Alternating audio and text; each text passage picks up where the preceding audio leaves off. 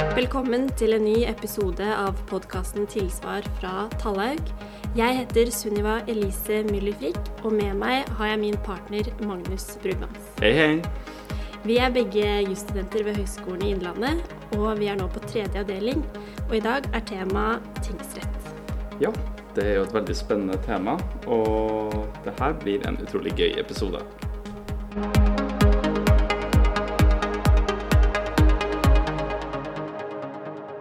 Magnus, er det vi har med oss i dag? Med oss i dag så har vi partner i Tallhaug, Oddvar Mølleløkken. Velkommen. Takk for det. Kunne ikke du, Oddvar, fortalt litt om, eh, om deg selv? Ja, det kan jeg gjøre, selvfølgelig. Eh, Jeg jobber jo da som eh, partneradvokat i Tallhaug. Jeg har vært her i ja, det begynner vel å bli sju år nå snart. Jobba som advokat i 18 år. Eh, Her i Tallag så jobber jeg hovedsakelig med, med eiendom, tingsrettslige problemstillinger. Og, og tidligere så har jeg jobba ti år i advokatbransjen inne i Oslo. Da jobba jeg med litt andre typer problemstillinger. Ja, det er jo veldig spennende, og vi gleder oss veldig mye til å dele kunnskapen din med lytterne våre. Det blir veldig gøy. Og temaet for i dag er som sagt tingsrett. Og tingsretten beskriver jo reglene om retten til å råde over fysiske ting. Ergo kan man jo si at dette er et stort fag å dekke. Og vi har derfor i denne episoden først valgt å snakke litt om grensedragning, og da spesielt om å fastsette grenser mellom eiendommer, før vi så går over til et særlig yndet tema i tingsretten, nemlig naboretten. Og naboretten i seg selv er jo svært eksamensrelevant, men det er jo også noe man møter i dagliglivet, er det ikke? Jo, det har du absolutt rett i. Så kan ikke du, Oddvar, fortelle oss først litt om eh, tingsretten, før vi går mer i dybden på grensedragning og naborett. Det kan jeg selvfølgelig gjerne gjøre. Eh, Sånn enkelt sagt så kan man jo si at tingsretten handler om alt det materielle vi, vi omgir oss med. Det kan være eiendommen som vi har, eller eiendommen som nabo har. Grenser for denne eiendommen, det er rettigheter på denne eiendommen. Og så kan det handle om løsøre, altså de, de tingene vi, vi eier, de tingene andre eier, og, og rettigheter i disse. Og så pleier man jo ofte da å, å dele inn tingsretten i såkalt eh, statisk tingsrett og dynamisk eh, tingsrett. Den statiske, det er på en måte eiendommen, dens grenser, hvilke rettigheter eksisterer der, innholdet i de rettighetene og den type problemstillinger. Mens det, den dynamiske handler jo om når vi skal overdra den eiendommen til noen andre, eller når vi skal selge et løsøre som vi, som vi eier, eksempelvis. Så skal vi snakke litt om grensedragning. Altså, det er mange måter å fastsette grenser mellom eiendommer på. Vi deler det jo ofte inn i litt sånn to. Vi har, vi har mellomgrenser, altså grensene mellom eiendommer, gjerne mot en nabo, da, eksempelvis. Og så har vi yttergrensene for, for eiendommen, som kan være ut i sjøen eller opp mot et fjell eller, eller lignende. Så det, det er en uh, typisk måte å, å, å dele problemstillingene inn på. Uh, den vanligste måten da å fastsette de grensene på, det er jo gjerne ved at man har grensemerker i terrenget. Et gjerde er jo typisk et eksempel på et slags eh, grensemerke. Og så har vi de mer eh, offentlige dokumentene. ikke sant? Vi har skylddelingsforretninger, oppmålingsforretninger etc. Eh, som angir omfanget og radiusen for den, for den enkelte eiendom. Og disse typer skylddelingene eller oppmålingene eller tidligere avtaler om eiendomsgrenser, de kan være unøyaktige, de kan være utydelige, og det kan jo også være slik at de i sin tid var tydelige, men at det ikke lever noen lenger som helt vet hva man mente når man skriftfesta dette i sin tid. Og da gir det grunnlag for en rekke tvister. Så det er ganske mange ganger i året at vi er i retten med tvister som gjelder eiendommens grenser. Og det være seg mellom eller yttergrensene som sådan. Ja, for når du da sier avtale, så kan det være f.eks. at i den opprinnelige avtalen så sto det grense over bekken. Men så har jo den tørka inn da i løpet av de siste 50 årene, og da vil det jo være unøyaktig, f.eks.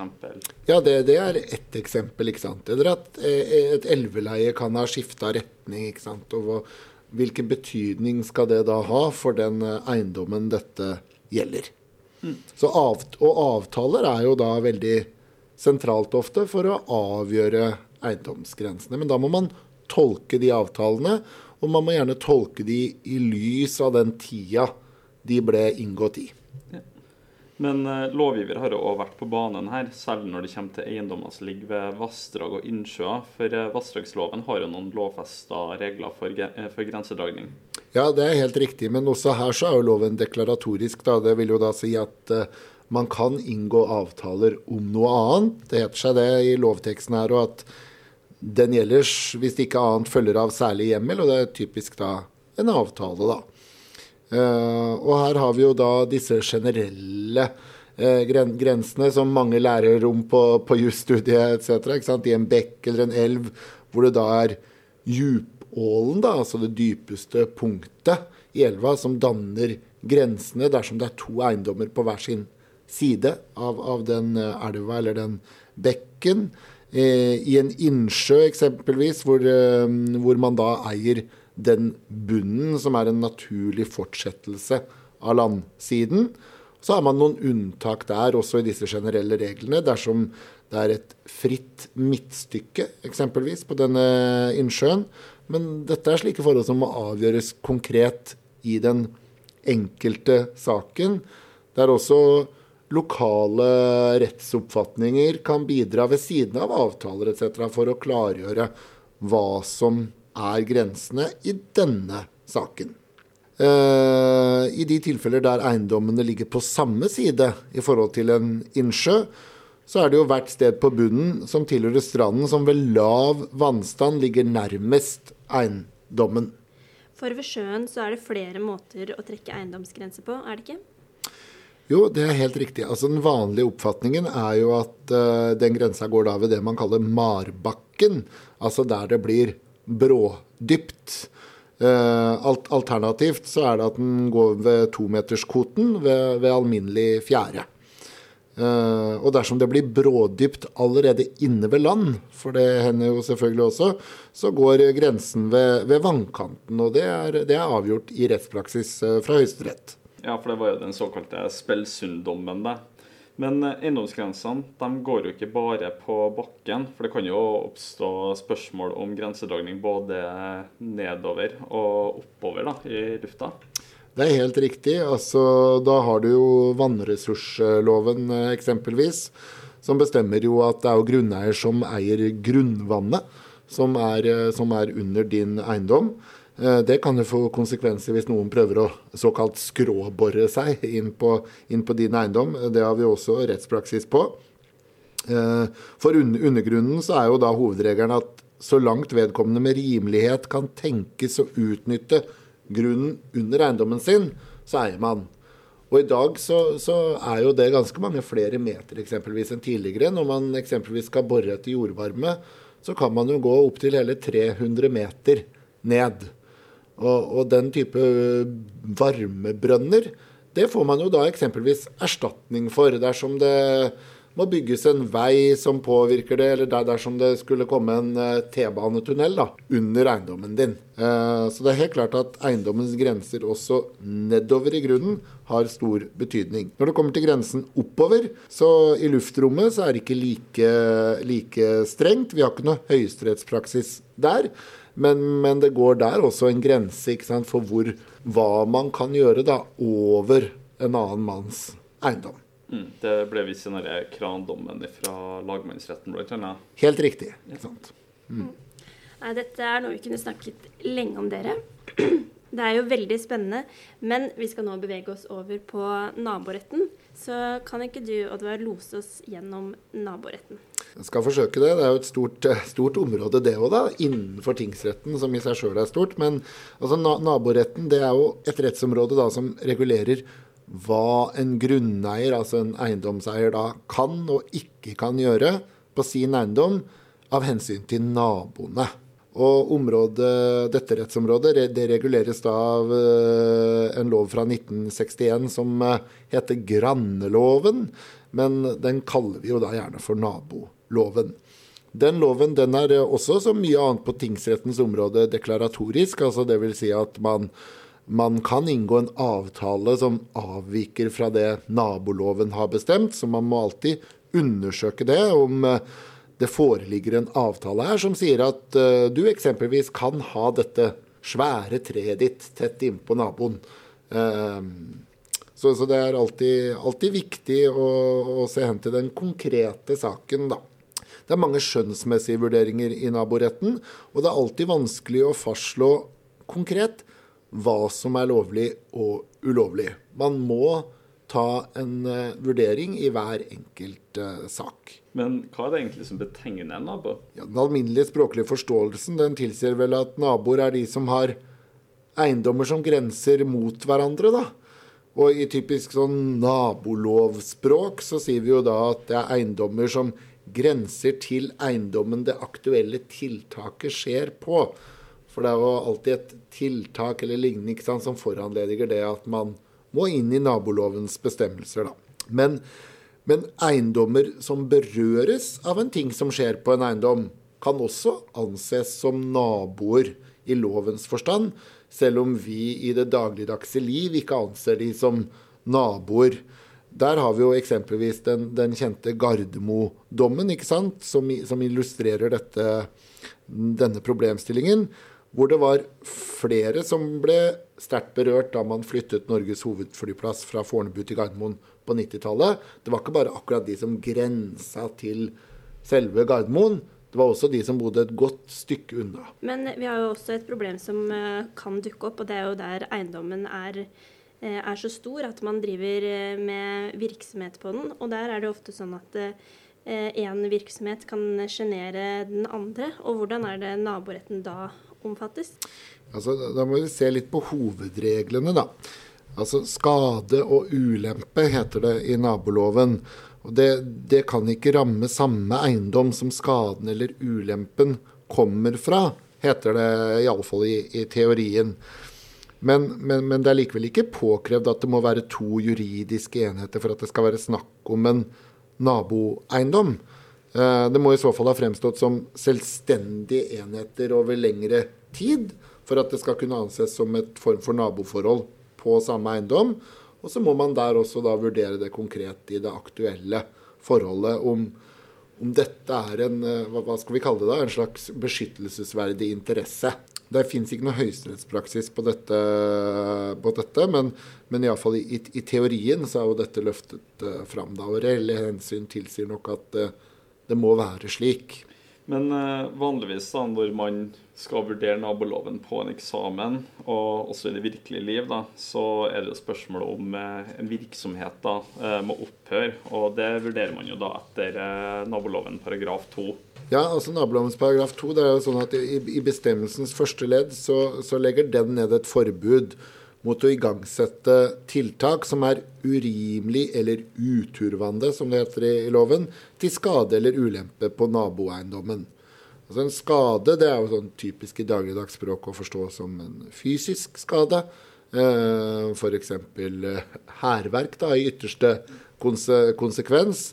En, en, ulempe det er jo mer sånne ubehageligheter som ikke nødvendigvis er fysiske. Det kan være sjenanse fra lukt, sjenanse fra fra støy. Uh, og denne forståelsen den støttes jo også da av, av rettspraksis. Så kan man jo da si at sant, det kan jo være byggestøy. Det er jo noe ma mange ofte er plaget av. Men sånn støy av, av en type forbigående karakter, det gir ikke adgang til noen form for erstatning. Da skal iallfall den støyen være av særs ekstraordinær størrelse, vil jeg mene. Men uh, bare for å komme et, et eksempel da, på en ulempe, så la oss si Oddvar, at uh, du og jeg var hyttenaboer. Og så igangsetter jeg da oppdrett av ilder på hytta mi. Vil det da være en ulempe for deg? det er jo ikke sikkert at det nødvendigvis er en ulempe. Altså, da, da må man se på den samlede vurderingen av, av, av, av de virkningen, da av, av de tiltakene som, som, som, du har gjort, for å vurdere om det er å anse som en ulempe eller ikke. Altså, da måtte du ha sett på hvor stor oppdrett eh, driver du, hvordan driver du dette? Eh, det, er mange innfallsvinkler til den, eh, den vurderingen, tenker jeg. Og så må man også her se på den alminnelige samfunnsutviklingen som en del av en slik vurdering. Det kan tenkes at noe du gjorde på 60-tallet, Eh, var en ulempe da, men at det ikke er det i dag. Um, så det er alltid viktig å ha med seg denne det er som vi snakket om litt innledningsvis, at naboloven er jo ikke bare en statisk størrelse.